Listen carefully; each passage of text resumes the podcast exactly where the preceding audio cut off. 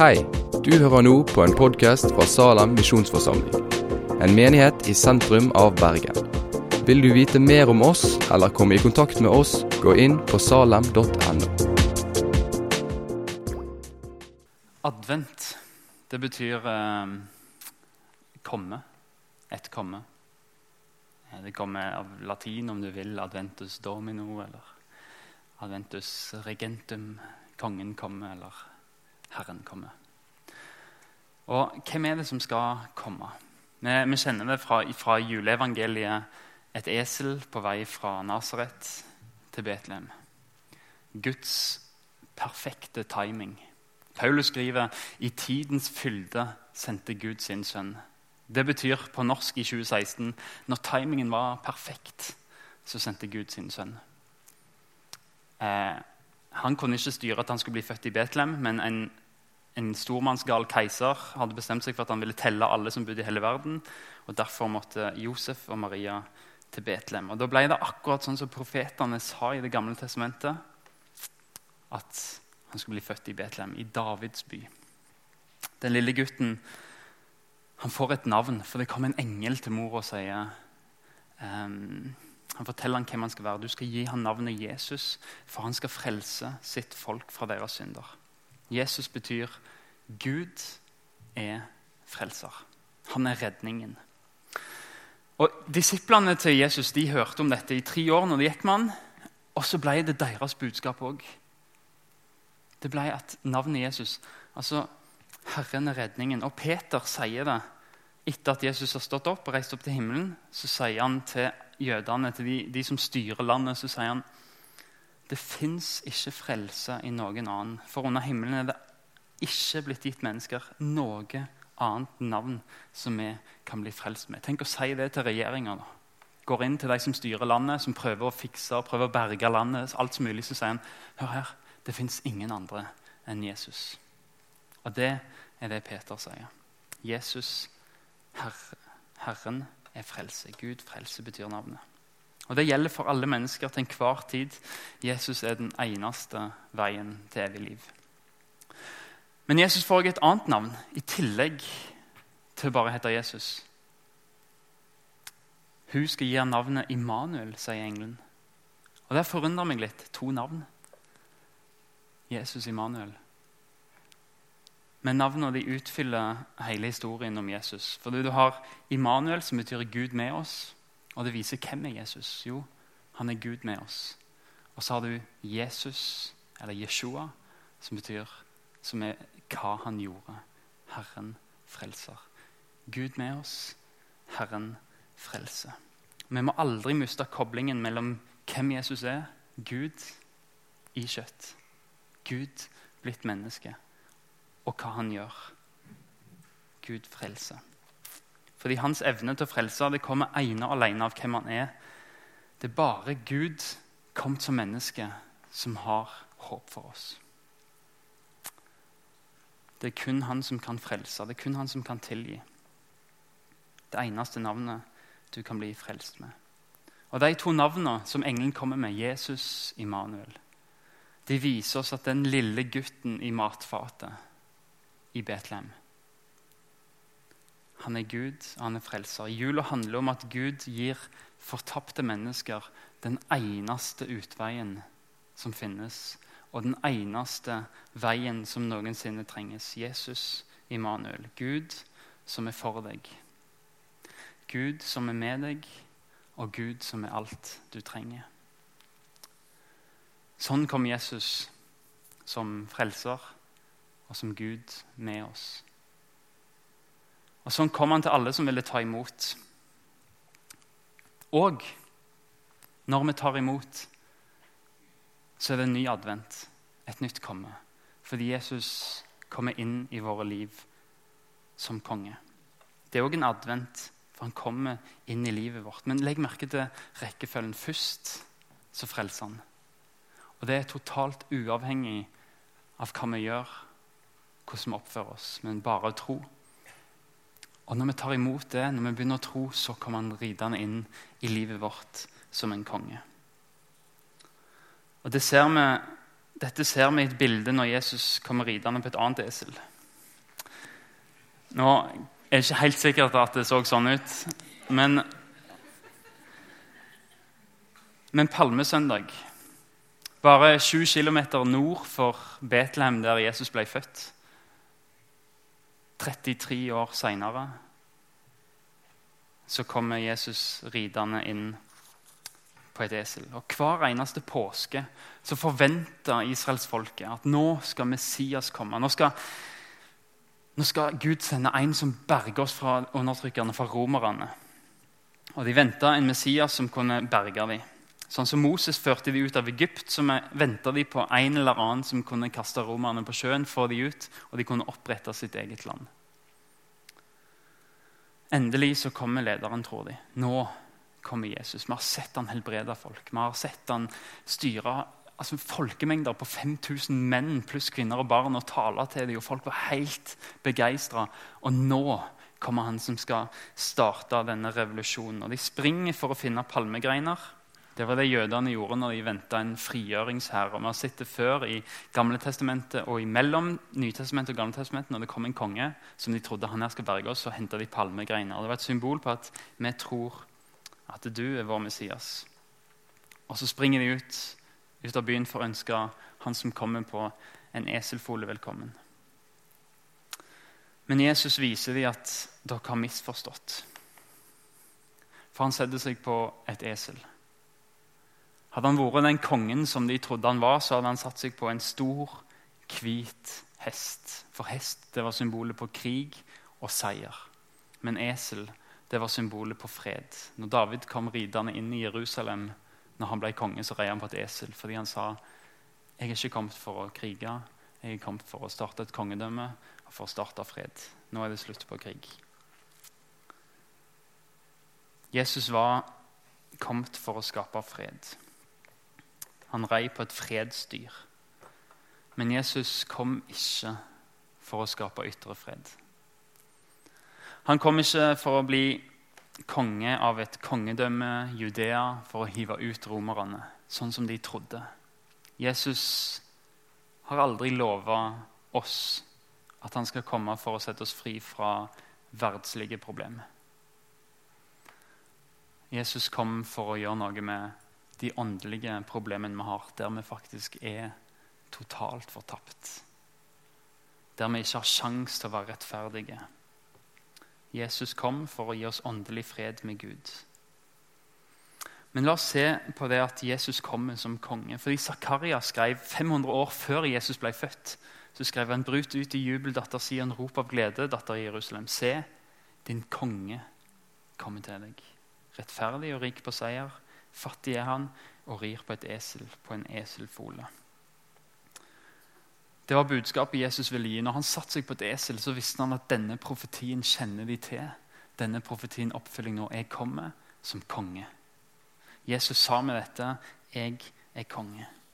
Han sa ikke han var revolusjonist, men han var konge. Han var fredsfyrste. Og for oss som lever i 2016 i et monarki, som vi kaller det, så er det veldig rart å, Eller kanskje egentlig ikke så rart å tenke at Jesus er konge. fordi det betyr at Jesus er en, en kar som dukker opp når vi har prestert noe. Vi har bygd ei bro, og så er vi veldig stolt av den og vil åpne den og vise den på TV. Så kommer Jesus, og så klipper han ei rød snor. Og så sier han ja, jeg er på lag med Jesus. Eller kanskje er det når vi skal ha en eller annen form for prisutdeling, og Jesus kommer. For det er sånn det er konger er Iallfall her i Norge. Han er jo et nasjonalsymbol av et linselus. Beklager. Men eh, en som smiler til kamera, og som åpner broer. En gallionsfigur. Jeg vet det er stygt sagt, og han er mer enn det. Men, men for oss vanlige så er det sånn vi ser på kong Harald. Og Vi kan godt ha Jesus som en sånn konge i livet. Det tror jeg vi kan. En som vi kan fremme de gangene det tjener oss. Den gangen vi skal stille oss sjøl ut og si 'se på meg'. De gangene vi trenger et fromt ytre, da kan Jesus få komme og klippe båndet. Og så ser vi bra ut der vi står ved siden av han. Men problemet er at Jesus er konge i ordets gamle betydning. Han er ikke et nasjonalsymbol, en gallionsfigur. Jesus har virkelig makt. Og det som er ukomfortabelt med det, det er at han regjerer.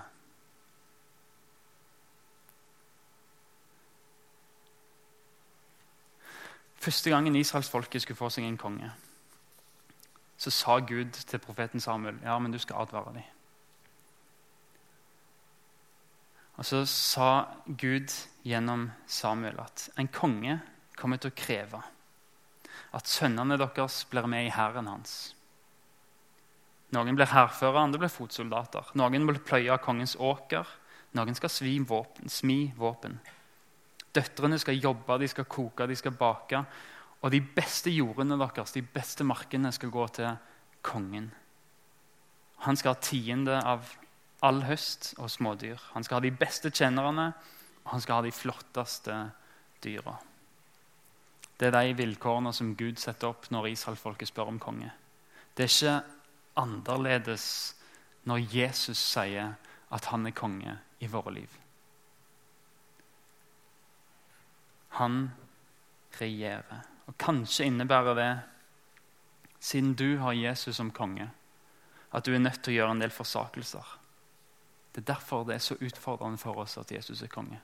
For kanskje betyr det at du må endre din innstilling i forhold til bruken din av Internett, i forhold til din forvaltning av penger, i forhold til din forvaltning av tid, i forhold til relasjonen din til noen, i forhold til ditt ego, i forhold til komforten din, i forhold til om du frykter mennesker mer enn du frykter Gud. Det er som er konge. En som settes på førsteplass i alle ting. En som skal ha det beste markene. Det beste i livet vårt. Og det utfordrer meg. Hvem er kongen din? Det er et spørsmål. Men hvis vi spør det bibelske spørsmålet, eller sånn som Jesus sier når han er konge hvem regjerer i ditt liv? Kanskje kan vi ha en snorklippende Jesus, men hvem regjerer i ditt liv? Kan du svare Jesus på begge de to spørsmålene? Og jeg syns det er vanskelig å snakke om, og jeg syns det er enda vanskeligere å sitte og høre på når, når det er så tydelige utfordringer fra, fra en talerstol. Men merk dere det. Og hør godt etter nå. Når Jesus kommer som konge inn i ditt liv, så kommer han med tilgivelse, og han kommer med nåde. Alle de gangene i livet ditt der du har regjert, og ikke han, de gangene de kan han viske ut av historien. Og så begynner han på nytt med sitt kongedømme i deg. Han er trofast og rettferdig selv om du er troløs. Hvis vi sier at vi ikke har synd, og bedrar med oss sjøl, og sannheten ikke i oss. Men hvis vi bekjenner våre synder, er han trofast og rettferdig, så han tilgir oss syndene og renser oss for all urett. Paulus er ærlig. Når han skriver til filipperne, så sier han folkens, jeg mener ikke at jeg har forstått kristenlivet. Men én ting gjør jeg.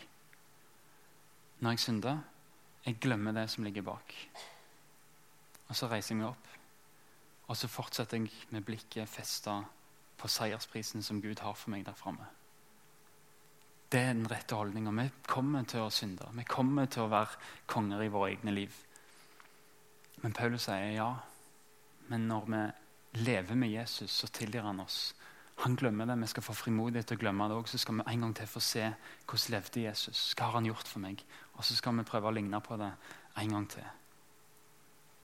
Det er alltid tilgivelse der Jesus er. Selv om han er konge og regjerer, så er han alltid trofast der vi er troløse.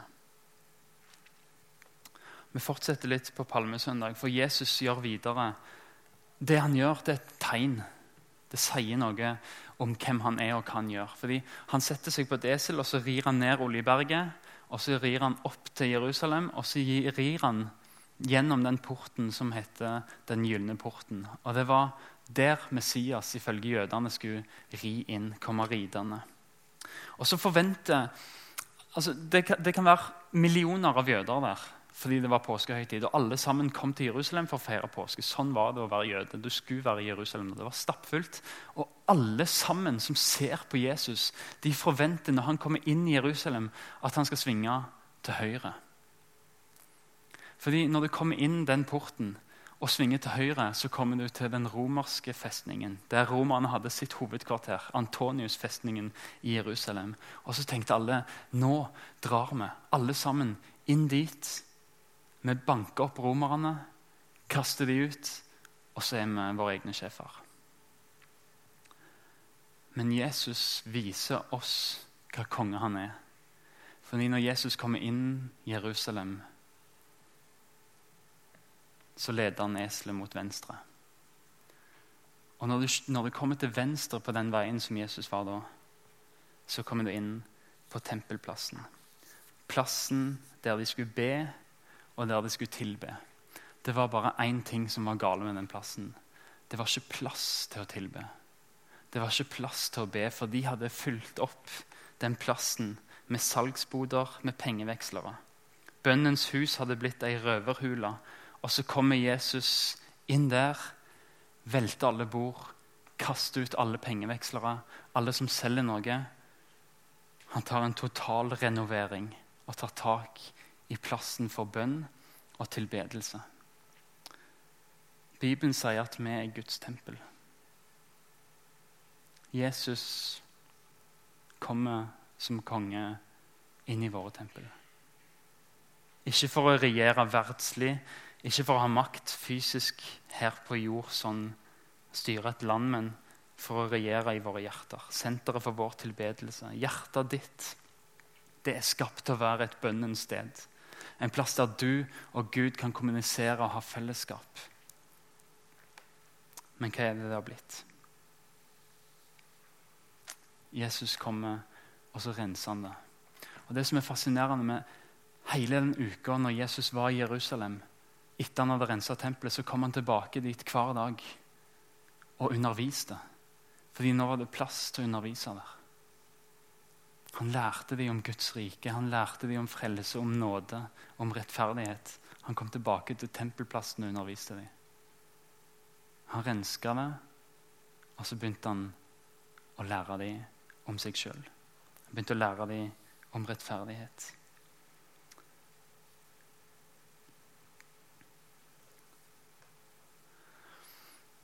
Jesus kan komme som konge i ditt liv denne adventen. Men hvis Jesus skal være konge, så må han få være nettopp det. Hvis han ikke er herre over alt, så er han ikke herre i det hele tatt. Det er det en som har sagt. Han er ikke bare lørdagskveldkongen eller søndagskongen. Han må få slippe til i hele ditt liv. Altså må han få vise deg hva som ikke stemmer overens med hans kongsmakt. Og så kommer han med tilgivelse og renselse. Og det er ikke alltid komfortabelt. Men når det ikke er komfortabelt, så kan du si til deg sjøl altså Når det koster deg noe å være en kristen, når du ser at her er det ting jeg må gjøre i mitt liv som ikke stemmer overens med å være en kristen, så kan du si til deg sjøl det er fordi at Jesus har flytta inn. Det som før var et skur, det driver Jesus på å pusse opp til å bli et slott. Fordi en konge skal bo der. Og Det er det Jesus gjør når han kommer inn i livet vårt. Så ser han at her kan jeg bo, men jeg må gjøre noe. Og Så begynner han å pusse opp og ta bort alt det gamle og plassere inn nye ting. Guds herredømme det utfordrer ditt herredømme. At Jesus er konge, det vil utfordre deg. Men husk det jeg sa. Når vi feiler, når vi faller, så er han fortsatt trofast og rettferdig. Det er en sånn konge han er. En som tilgir, og en som leder deg videre.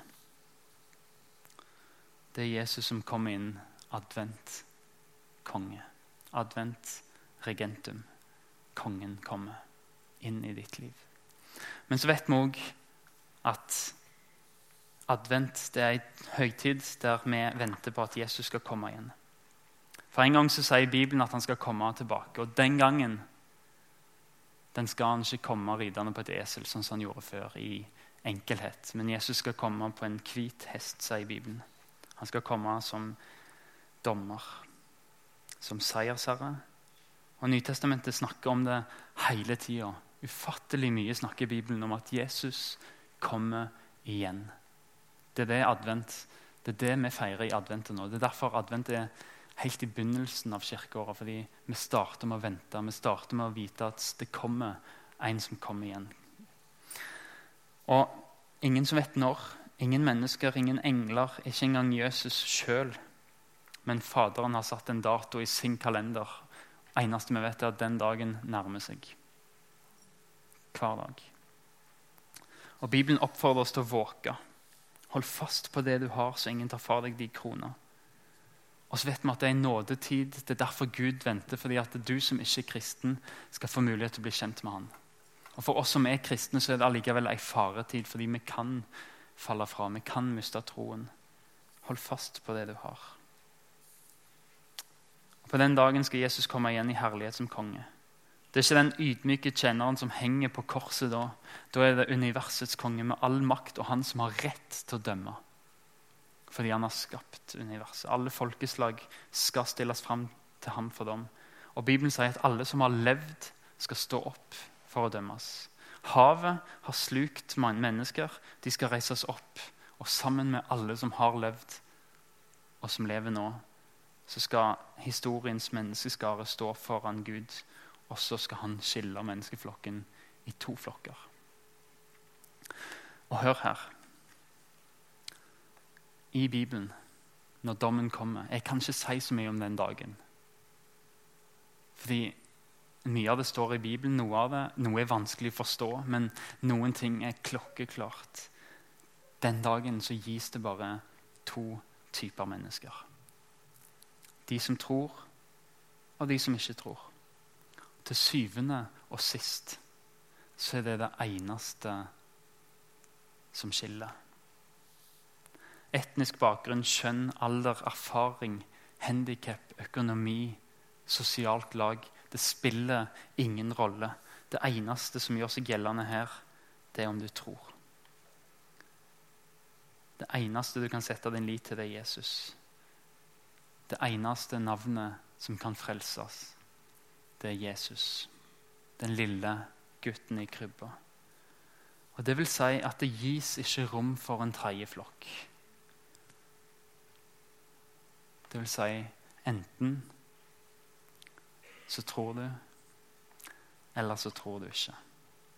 Frelst eller ikke frelst. Det er det eneste som gjelder. Den eneste forskjellen på de to flokkene det er om du har tatt imot Jesus eller ikke. Og her er Bibelen klokkeklar. Du må ta et valg.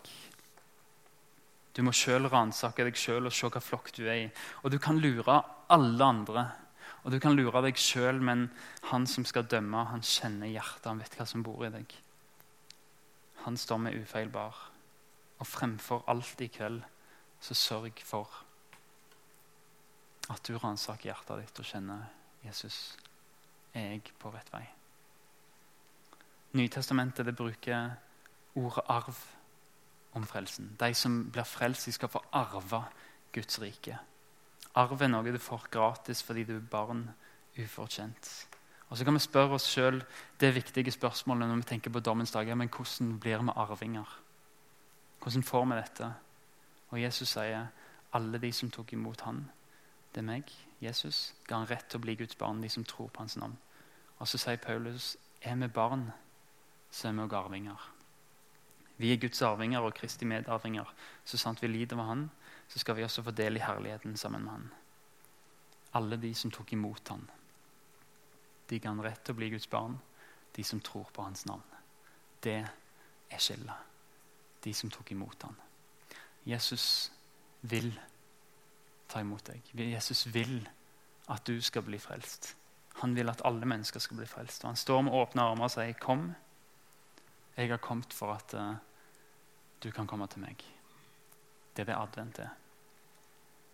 La ham bli din redning fra dommen.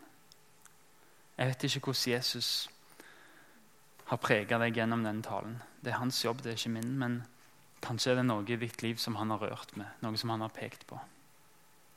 Noe som du trenger å ta opp med han.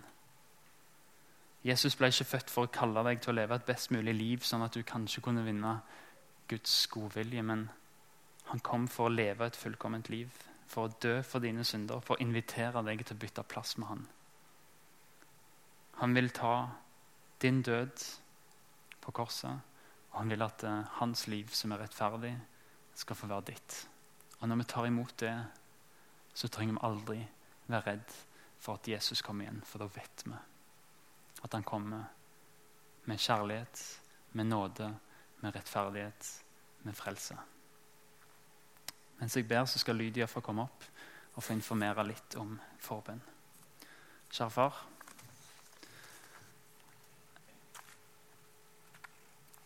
Ta det som er sagt, og bruk det. Jesus, jeg vil at du skal være konge i mitt liv. Pek på de plassene i mitt liv der der jeg er konge, og der, der jeg trenger å abdisere, der jeg, du skal få styre. Takk for at du tilgir de gangene jeg ikke makter det. Og Jesus, hjelp meg til å ransake meg sjøl til å vite om jeg er på din vei eller ikke. Takk for at du vil at vi skal bli frelst, og at du har gjort alt ferdig for oss, at vi skal få komme og bare ta imot din frelse. Amen.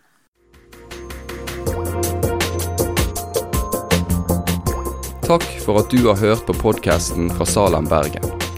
I Salem vil vi vokse i et stadig dypere fellesskap med Gud og med hverandre. Vi vil være Jesu hender og føtter, og vi vil være med å forkynne frelse for Bergen og resten av verden. Besøk oss gjerne på salem.no om du vil vite mer.